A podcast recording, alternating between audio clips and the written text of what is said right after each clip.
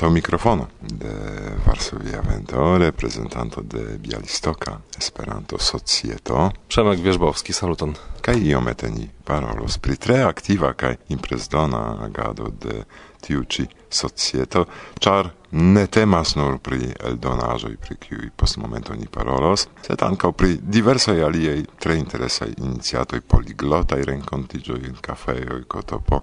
Do eble koncize rakontu pri tiu nelibra agado nuntempe. Do, ni havas diversa in campo in de agado. Unu el ili via menciis, temas pri Bielistoka lingvo kafejo, Estas regulaj eh, rencontigioi por ciui, por bielistocanoi, por exterlandanoi, kiuj shatus paroli lingvoin de la mondo. Ce la tabloi eh, oni renkontiĝas por paroli en diversae lingvoi, do ni havas la tabloin anglan, francan, germanan, esperantan, la polan por exterlandanoi, kaj multain aliein lingvoin. Kai tiu renkontiĝo iam havas longan historion, char ili okazas de dek eh, kvar jaroj. Estis iniciatitai de nia tuluza volontulo Kristof kai Gis nun ni, ni daurigas to. Nun estas somera pauzo, sed ni revenos en oktobro. Multe da personoj venas junaj, maljunaj, mezaĝoj. Uh, laŭ mi la avantaĝo de tiu renkontiĝo estas ke venas homoj en tre diversa aĝo kaj ofte pli aĝaj personoj iom timas veni al tio, kredante ke ili estas dediĉitaj ĉefe al studentoj, al junuloj, sed ne, venas homoj en tre diversa aĝo, estas kai kaj studentoj kaj plenkreskuloj en diversaj aĝoj, estas ankaŭ pli aĝaj homoj kiam ili venas por la unua fojo ofte ili timas tiun renkontiĝon ne scias kion fari do mi invitas ilin simple eksidi ĉe la tablo kaj ek uh, aŭskulti uh, kiel oni babilas kaj poste aliĝi al la diskuto. Eh, estas interese ĉar la homoj ofte alportas diversajn tabulludojn kiuj faciligas la terparolon por la unua kontakto kaj la etoso estas tre bona. Ciam ni visitis la poliglotan rencontizon en Tereŝin, ni rencontis multajn gamikojn del Esperantujo, kaj ni babilis kioj interesa por esperantisto estas dum tiuci poliglota renkontiĝo kaj plei ofte la esperantisto respondis che estas ideala medio por fakte paroli pri Esperanto, ĉar venas homoj kiuj interesiĝas pri lingvoj kaj ili automate por ili ne estas malfacile eklerni novan lingvon kaj kompreni la principojn. Ĉu ankaŭ ideo de tiuj poliglotaj renkontiĝoj en Bialistoko estas tiel, ke vi inter vortoj, inter frazoj deziras popularigi Esperanton? Eĉ la fakto, ke ekzistas ekzistas Esperanto-tablo. Por multe homoj estas granda surprizo che estas lingvo pri kiu ili foje audis um, ehm, kaj neniam imagis ke estas homoj vivante kiu hodiaŭ la dudekunu jarcento vere ĝin uzas. Do jam tio fakte estas ia varbilo kaj estas homoj kiuj venis al nia Esperanto kurso ekvidinte jam ke ekzistas esperantistoj kiuj parolas en ĝi. Sed ja de tempo al tempo jes ni ni parolas pri Esperanto kiel interlingvo kiu helpas al ni ankaŭ lerni aliajn lingvojn ĉar multaj homoj kiuj venas al tiuj renkontiĝoj ke kiuj lernis Esperanton parolas diversajn lingvoin. Kiam eh, lastfoje ni renkontigis eh, fakte parte antaŭ mikrofono de Varsovia Vento vi rakontadis pri Solaris do aŭskultantoj havis eblon auskulti tutan vian prezentadon tiu ki interesigas pri sciencfikcio certen eh, tradimarkis tiun aperon kio post Solaris. Mm, a, ah, intertempe estis tre diversaj eldon projektoj Ni eldonis, reeldonis la libron Vojaĝo al Kazohinio de Sandor eh, Shatmari, kio estas fama pro la fakto ke estas la unua malutopio au verkita en Esperanto aŭ tuj tradukita el la hungara en Esperanton. Estis tre diverse projektoj, ekzemple la fama romano eh, Zulejka malfermas la okulojn. Tiu libro estas konata por la pola legantaro, ĝi iĝis fama. Estas romano de Guzel Jahina, tatara verkistino, kiu parolas pri krimeaj tataroj dum um, ilia forpelo en la stalinisma epoko. Tre interesa libro, eh, kiun tradukis uh, Misha Bronstein kun eh, Tomasz Chmieli, kiun parte en Moskvo antaŭ kelkaj monatoj Misha Bronstein renkontiĝis kun aŭtorino kaj transdonis al ŝi la ekzempleron kaj sistre kurtuŝa momento. Ĉi-jare aperis pluraj libroj Uno el la plei lastai estas la romano Ruta Tannenbaum, de croat bosnia verkisto Milenko Jergović. Tiu verkisto ricevis anko la libron, eh, li faris video saluton kaj dankon al la tradukintoj, al Tomek Mielik kaj Josip Pladin. Tiu momento estas aferoj kiuj ankaŭ iom kuraĝigas nin por plurlabori, ke ni vidas ke ankaŭ la aŭtoroj aprezas la fakton, ke iliaj verkoj estas tradukataj eĉ en lingvon um, por multaj homoj ekzotan Esperanton. Yes, kaj por la legantoj tio estas ankaŭ agrabla afero legi librojn de la monda literaturo en la internacia lingvo kaj tre ofte temas pri verkoj kiuj ne estas atingeblaj en la nacia lingvo de la leganto. Do interniaj libro estas libro el la literaturo pola, kroata, jida, juda, eh, rusa kaj aliaj. Nia plej nova eldonaĵo estas la romano eh, Laŭ kulvitroj de Lidia de mm, eŭska aŭtoro Aitor Arana, kiu verkis fikciigitan mem biografion de Lidia Zamenhof. Li verkis ĝin en la eŭska, tradukis mem en Esperanton, eldonis ĝin ĵus en la eŭska kaj ni eldonis ĝin en Esperanto. Do estas tie diversaj projektoj. Mi uh, en tiu teamo kiu consistas el Tomek Mielik, el Świdnik, nia ĉefa tradukisto, sed ankaŭ multaj aliaj homoj, kiuj tradukas el siaj naciaj lingvoj, kaj provlegantoj, diversaj helpantoj, kaj la aŭtoroj kompreneble mem, mi, eh, mi okupiĝas pri kompostado de tiuj libroj, mi faras eh, librokovrilojn, kaj iom okupiĝas pri nia libroservo por disponigi tiujn librojn al la publiko. Nascigis Ludovico Lazaro Zamenhof en Bialistoko, nun nascigas multaj tre interesaj kaj ŝajne utilaj ideoj. La urbo organizas ciu jare Zamenhofaj Esperantaj tagoj vintre. Ĉu ankaŭ ĉijare vi planas kaj ĉu estas iuj ideoj kiun vi invitos, kiun programon vi kreas? Yes, ciam meze de decembro ni organizas tion, kutime temas pri la semajnfino antau la dekkvina de decembro, porque la rencontigio ne estu tro proxima al Kristnasko. Ĉiare la dekkvina de decembro estas shaines sabato, se mi bone memoras, do tiu semajnfino sabato aŭ vendredo do tiu semajnfino uh, eh, ja ni invitas ĉiujn esperantistojn ofte venas uh, kaj esperantistoj el aliaj urboj en Pollando kaj el eksterlando. Ni ĉiujare invitas iun esperantoartiston. Um, nun mi ne havas ideon ni ne parolis pri la la muzikisto kiun ni invitos sed certe estos unu certe estos prezentado de libroj prezentado de rezulto de nia literatura konkurso mm, excurso i en la regiono, do tiu aferoi eh, organiz flanke ancora atendas nin. Do simple vi devas sekvi informojn eh, la pazo de Bialistok Esperanta Societo kaj ligilon vi trovos en la priskribo. Kaj ni invitas vin ĉiujn al Bialistoko. Bla bla bla. Korendanko al vi kaj ĝis revido.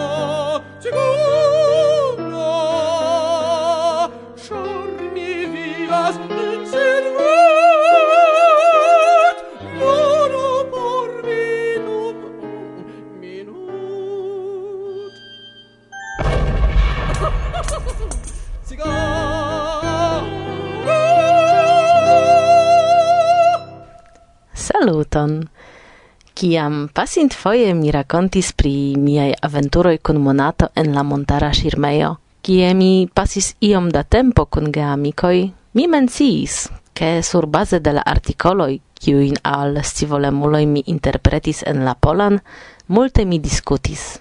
Ancau pri politico, sed ne nur. Kai mi memoras, che aparte ni tusis la temon de migrado pro articolo en la somera monato. Tiel Tui mi rimarkis reagon de unu el la legantoi de Brian Moon el Luxemburgio, kiun oni povas trovi en la tria pagio de oktobra numero, en rubriko el leteroi, kiu koncernas ĝuste pridiskutitan de mi kun geamikoj temon. Permesu, ke mi citu gin entute, char al similai concludoi tiam anca uni venis. En sia interesa analizo de homai migradoi en la duobla somera monato, Nikita Pimenov asertas, ke la causoi de migrado ne estas nur economiai, kaj ke oni ne nepre migras de malriĉa lando al riĉa. Sed ĉu troveblas en la homa historio iu ajn okazo de libervola migrado grand quanta de riĉa lando al malriĉa? Ŝajnas, ke estiĝis konfuzo inter du grave malsamaj aspektoj de la afero kial entute okazis okazas amasa migrado al tiu au alia lando, kai kial la migrintoi venas el specifaj originlandoj.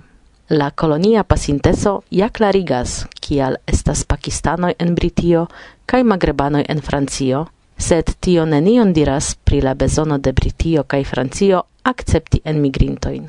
Por kompreni ekonomian fenomenon utilas rigardi ankaŭ enlandan migradon, kiu ciam fluas el malriĉaj regionoj al pli riĉaj. Kaj ankaŭ internacia migrado havas regionan aspekton. La multaj portugaloj, kiuj trovis laboron en Luksemburgio ekde la sesdekaj jaroj de la pasinta jarcento, venis plejparte el malriĉaj kamparaj partoj de Portugalio, ne el la relative riĉa ĉefurbo. Mi salutas vin ambaŭ, la aŭtoron kaj la leganton quancam mia opinio estas pli proxima al tiu de Brian. En la rubriko aperis quasau discuto pri esprimo de la surdula lingvo, ciu signolingvo au gestolingvo. Imagu, ke pro aperigita en menciita jam somera duobla monato articolo Surdula lerneo sen signolingvo de Hatachi Toshiko el Japanio venis ec tri reagoj. Nu, esperantistoj! Ciam ni shatas babili pri nia lingvo, ču? Kiel difinas la legantoj esprimojn signolingvo kaj gestolingvo? Nu, pri tio exciu mem. Tiuj argumentoj troviĝas sur la tria paĝo de la oktobra numero. Kaj ĉe la okazo mi salutas Federikon, ĉar Irek kaj Gosia speciale petis min pri tio. Sed reveno mi al la oktobra numero mem. La foto sur la covrilo kiel ciam tre belas. Du malhelhautai, kolore vestitai knaboi sur sablo en oazo au en iu afrika villaggio. En sceno, kiu iom pli matura tenas en manoi jerikanon, kaj la malpli alta trinkas el gi puran akvon. Kai granda fraptitolo Malio. Ĉu nesimetria konflikto? Tiun artikolon verkis Lau mia impreso, unu el la cun kunlaborantoj de Monato, Julius Hauser, kiun jam mi kelkfoje citis dum miaj priparoloj de Monato. Do, Julius, de nove eta fragmento de via artikolo. Ci foje pri Malio. La tridecan de junio 2023, la secureca consilio de unuigintai nazioi unu anime aprobis rezolucion 2690 2023 sur base de kiu membroj de pacismo generale konata sub la angla mallongigo minus ma du comensos retirigi de la teritorio de la ŝtato Malio. Plej parto de la diplomataj kaj politikaj analizistoj timas, ke la retiriĝo de la trupoj de tiu pacismo estigos novan malstabilecon en Malio, en kiu baraktas taŭregoj kaj ĝihadismaj ribeloj. Kio efektive okazas en tiu Afrika lando, kiu laŭ la areo estas la dudektria plej granda lando de la mondo? Sekvas la enkondukon kelkaj personaj analizaj pensoj kaj malelongaj diplomataj konsideroj, kiuj verdire plenumas du paĝojn. Permesu do, ke estas por mi pli facile instigi vin mem legi la artikolon, ol ke mi koncize prezentu ĝin. Izraelo estas nun sur buŝoj de la tuta mondo – El tiu lando de Nivan Cvikoen venis tre interesa articolo pri maltranquiliga legio. Auscultu iomete. La dudek quaran de junio la Israela parlamento Knesset aprobis legion per kiu oni celas senigi la superan kortumon je la raito nuligi la decidoin de la registaro sur bazo de la nomo de prudento, principo uzata de la kortumo en la lastai tridecai jaroi, exemple por malaprobi registarajn nomumoin de ministroin accusitain pri corrupto. Kial do tre aktuala? Nia memoras pri la amasai protestoi. Nu en la texto ni trovis jenain rimarkojn. Multai volontuloi de la rezerva armeo anoncis cesigon de sia agado pro la politica krizo au multai exai altai comandantoi de la armeo au de aliai israelai sekurecaj fortoi avertas, che la reformo de la forta socia fragmentigio estas dangerei por Israelo. Ĉu vi captis iam? Por mi cio claras. Unu el polai proverboi instruas: Ciam du batalas, la tria gainas. Kai? Giuste. Concludo? Vi vidas la concludon. La vivo mem tion resumis. Malgrau tio, la articolo clare permesas al la leganto compreni kio vere causis la protestoin. Vere, mi rekomendas gin legi. Kai parte la temon concernas interviuo de nia amiko Massimo Ripani, el dangera vivo jurnalista, kun Nofred Berenis Hernandez Vilcis, kiu doktoriĝis pri la mondoj, araba, islama kaj shemida, ce la Universitato de Aix-Marseille en Francio. Si interesigas cefe pri la palestina-israela konflikto, la konstruado de rakontoj, memoro cae identeco, la amas comunicila reprezentado de malpli multoi, migradoj kaj la uzoj de la korpo en contextoi de rezisto. Tre interesai vid punctoi en siai respondoi mi trovis, vere. Kaj tuj post tralego de tio multe mi pensis. Kial ne gis fino tion mi audas en la polaj amas komunikiloj? Ŝajne kelkajn aferoin la polain giornalisto ne desiras vidi au compreni. Felice, monato appartenas al la libera mondo. Kai eble pro la lasta balotado en Pollando kiu frekvence estis tre impona, char temis pri kontraŭstaro de pli kaj pli forte radikiĝanta en nia lando kontraŭ Europa populismo, varbis mian atenton speciale du articoloi. Survoje al nova parlamento de Bert David el Nederlando kai vojo al haosa vordonado de Jean Bosco Malanda el Demokratia Respubliko Kongo. Ambau koncernas balotadon, set prezentas du aliaj flankoj de tiu bastono, kiun oni nomas demokratio. El eh, unu articolo ni povas compreni kio okazis, ke Mark Rutte, la ĉefministro de Nederlando, demisiis, pro kio devis okazi pli fruaj balotoj. Kaj en la dua articolo ni povis compreni nuancoj de la ena politiko en Demokratia Respubliko Kongo. Hmm. Ĉifoje mi havas problemon char la oktobra numero entute estas tre interesa, kai por prezenti gin, shaine mi devus fondi kroman podcaston. Mi mencios do nur, ke ne nur pri politiko artikolojn vi trovos. Trovos por si artikolojn tiui kiui interesigas pri moderna vivo, edukado, pri ekologio, pri lingvoj, precize pri la estanteco kaj estonteco de la interslava lingvo, pri eldonitaj libroj, ankaŭ pri vorto farado en Esperanto kai pro kio Gosia felicas troviĝas en tiu numero eseo kaj rakonto. Pri kio? Nu, karaj, mem konvinkiĝu. Salutis niam vin, Paulo, kaj la redakcion de Monato en enkonduko. Do cifoje, porca estu juste, mi salutas ciuin fidelain legantoin de la revuo, kaj speciale varme tiuin, kiui auscultas ankaŭ niajn elsendoin. Bla, bla, bla. Agnieszka.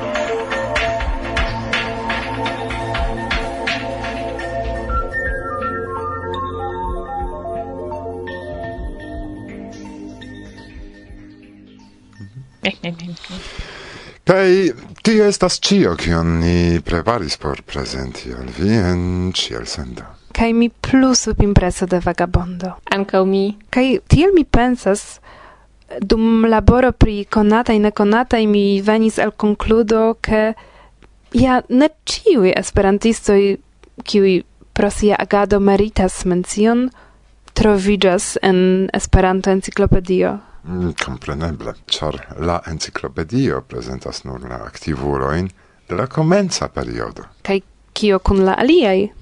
Estis kelkaj provoj presenti la sequantoin, exemple, El doneio sezono i provis kolekti ducent signifajn aktivulojn en suffice di libro, nia dirigenta collegaro set eh, pro subjektiva alecto de la autoro mi rimarkis mankon de kelkaj laŭ mi vere meritoplenaj esperantistoj. Ne tiel facilas fari tiun liston. Yes.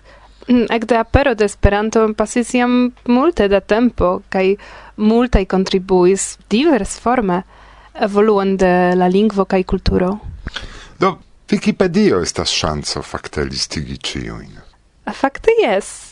Wikipediistoin do ni petas turni atenton anka pri la temo krei liston de forpasintai kai ancora vivantaj esperantistai aktivuloj. Tio eblas fakte kai ne tiel kostas kiel Exemple el dono de iu dika libro, ĉu? Do eble tasko por vi. Sukcesis vi krei plenan vortaron de esperantigitaj plantoj?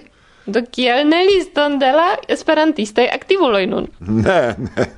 Ankoraŭ mi ne finis mian laboron pri plantoj.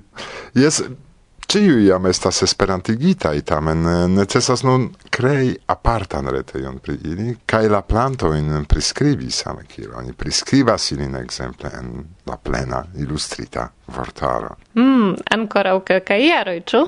Mm, sed ideo pri Wikipedio estas tre bona. Karaj Wikipediistoj, rimarku tion. Kaj, tiel mi pensas, gis nun mi elektadis personecojn de la movado por prezenti. Sed eble iu el vi, karaj auscultantoj, shatus prezenti iun konatan, nekonatan el via lando. To bona ideo. Dankon, Irek. Do, sendu al mi prescribon de iu signifa esperantisto el via lando, organizo au klubo, kai anstatau serci iun en la enciclopedio por la venonta el sendo, tre volonte mi presentos vian proponon, porke el nekonata li au si igiu pli konata. Placas al mi la ideo. Ankaŭ al mi. Karaj do. Mi invitas vin fari ion por niaj kunaj antaŭuloj, homoi pri oni forgesas, sed pri valoras memori. Same kiel pri Jerzy Fornal, kiu iam multe aktivis kai pri kiu ne multe hodiaŭ oni scias. No, bedaŭrinde. Uzu nian redakcian adreson aŭ kontaktiĝu kun ni. Simple pere de nia Facebooka forumo. Giuste. Do, kio nun? Nun, char pro translocigio al Bialistoko nun rare vi visitas nian provizoran studion, tro rare, eble, vi adiau la auscultantoin. Ĉu? Jes, kaj vi rajtas eĉ elekti kanton, kiu finos la programon. Ĉu? Jes, kaj anstataŭ ĉu ĉui adiaŭ nian karan aŭskultantaron. Do, nome de la redakcio mi adiaŭas vin kie ajn vi loĝas kaj aŭskultas nin. Kaj ĝis la venonta renkontiĝo. Bla bla. Bla.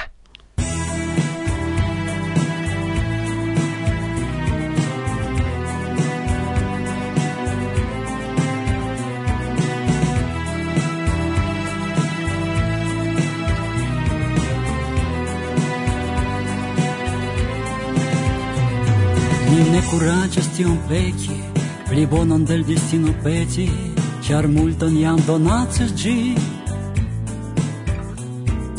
Mia destin caprica damo, mi vin ne trompis ni amo, do amo min, dum vivas mi. Dum restas forte en la braco, por levi glason da cognaco, en mia bona compagnia. Al vi voyagas mi pilgrima al vi mi preĝas prozorime, do amo mi, dum vivas mi, do amo mi, dum vivas mi, do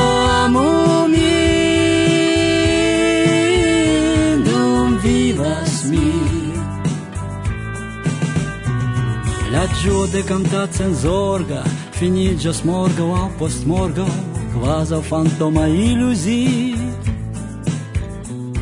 Al mia voce sur casede vi gapos pigre caio sede do amo min dum vivas mi. O mia signorina minda kunigis nin okazo blinda ĉu la komprenon donos di? Che foie flugas ni fantome Se neble cu corpe home.